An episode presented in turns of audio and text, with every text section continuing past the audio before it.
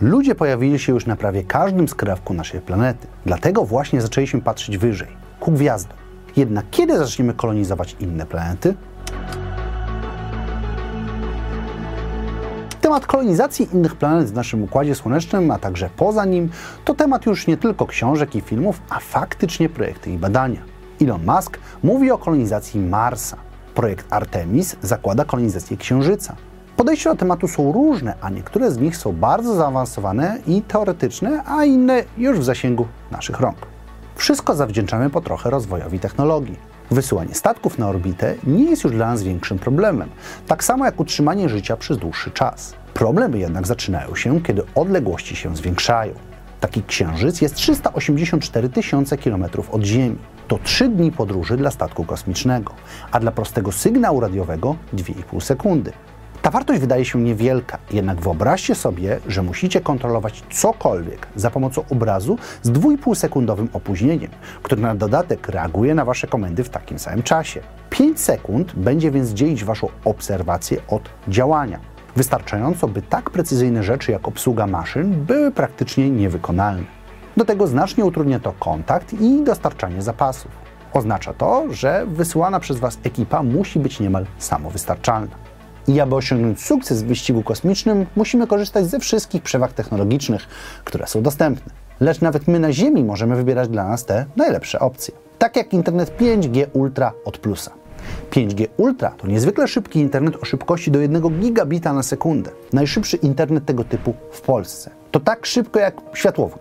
Umożliwia to płynne granie, oglądanie seriali, pobieranie plików czy połączenia z bliskimi przez internet. Taka szybkość to jak rakieta, która wychodzi poza orbitę, a możliwa jest dzięki stale ulepszanej technologii 5G w Polsce. To trochę tak jakby Plus dobudował windę kosmiczną, tyle że dla internetu. Wszystkie szczegóły oferty Plusa znajdziecie w linku w opisie, do którego serdecznie Was zapraszam, a my wracamy do odcinka. Na innych planetach nie byliśmy jako ludzkość w zasadzie nigdy. Na naszym Księżycu ostatnia załoga należąca do misji Apollo 17 pojawiła się 51 lat temu. Można z tego wysnuć dwa wnioski. Nasza technologia jest na pewno na lepszym poziomie, to pierwszy z nich. Drugi to jednak odrobinę zaprzeczenie, a mianowicie to, że eksploracja innych planet nie była naszym priorytetem. Może to oznaczać, że technologia nie przeszła aż tak wstrząsającej przemiany, jak można się spodziewać. Spójrzmy jednak na wyzwania, które towarzyszą kolonizacji innych planet. Pierwsze to przybycie na daną planetę i wylądowanie na niej. To możemy odhaczyć. Udało się nam to zrobić i to nie raz. Wysłaliśmy bezzałogowe misje na kilka planet w naszym Układzie Słonecznym, czy nawet na przelatujące asteroidy. Oznacza to, że nie dość, że możemy wylądować na powierzchni, to jeszcze wysłać tam surowce i materiały, które zostaną wykorzystane, by rozpocząć budowę bazy. No bo dalej jest właśnie baza, jakiś rodzaj budowli, który nie tylko da schronienie przybywającym w niej ludziom, ale pozwoli im komfortowo rozwijać się dalej, czy wręcz utrzymywać optymalne warunki przez dłuższy czas. To właśnie jeden z największych problemów utrzymania początków kolonii. Do przeżycia ludzie potrzebują jedzenia i wody, a tych nie znajdziemy łatwo na innych planetach. Oznacza to, że musimy zabrać je ze sobą. No a to kosztuje. I to całkiem sporo, bo wyniesienie nawet kilograma do ISS, Międzynarodowej Stacji Kosmicznej, wymaga 4,5 kg paliwa płynnego lub nawet 20 kg paliwa stałego. Im większa odległość, tym też koszt się zwiększa. Aczkolwiek to właśnie ucieczka z naszej orbity kosztuje bardzo dużo. Stąd też często pojawiają się pomysły, jak proces ten ułatwić. Pierwszy to zbudowanie windy kosmicznej. To mega konstrukcja, która jest niczym innym jak wieżą, która sięga orbity.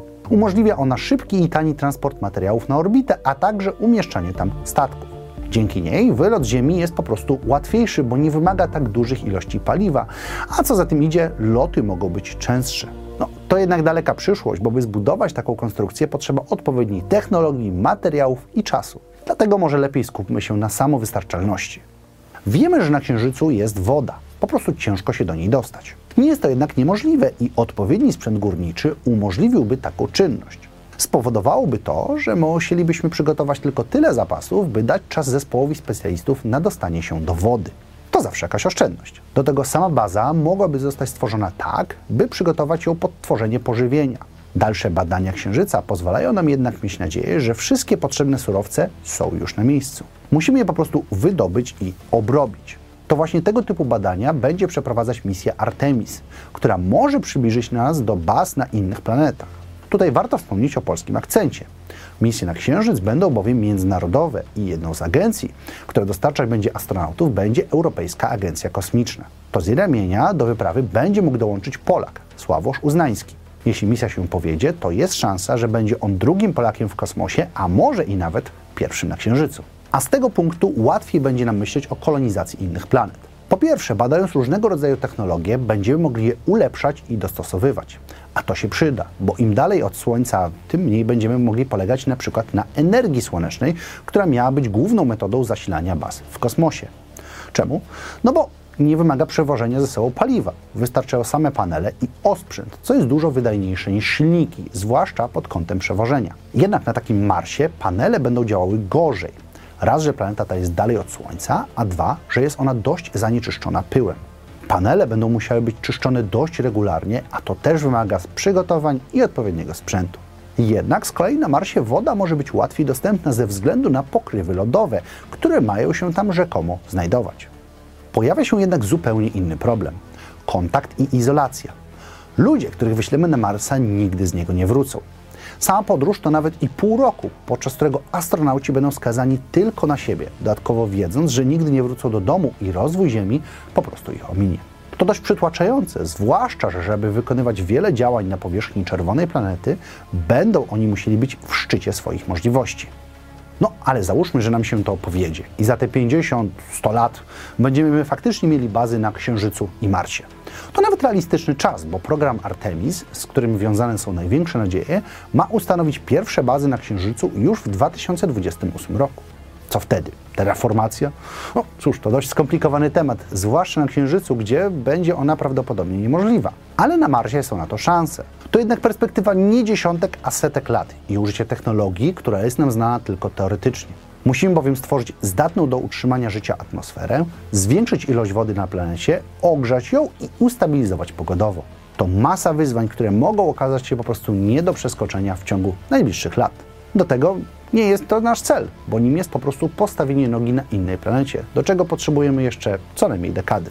A jak wy myślicie? Dajcie znać w komentarzach. Ja zapraszam Was do eksplorowania tych tematów samodzielnie, a także do sprawdzenia oferty Plusa, do której link znajdziecie w opisie. My widzimy się w każdy piątek. Trzymajcie się ciepło. Cześć!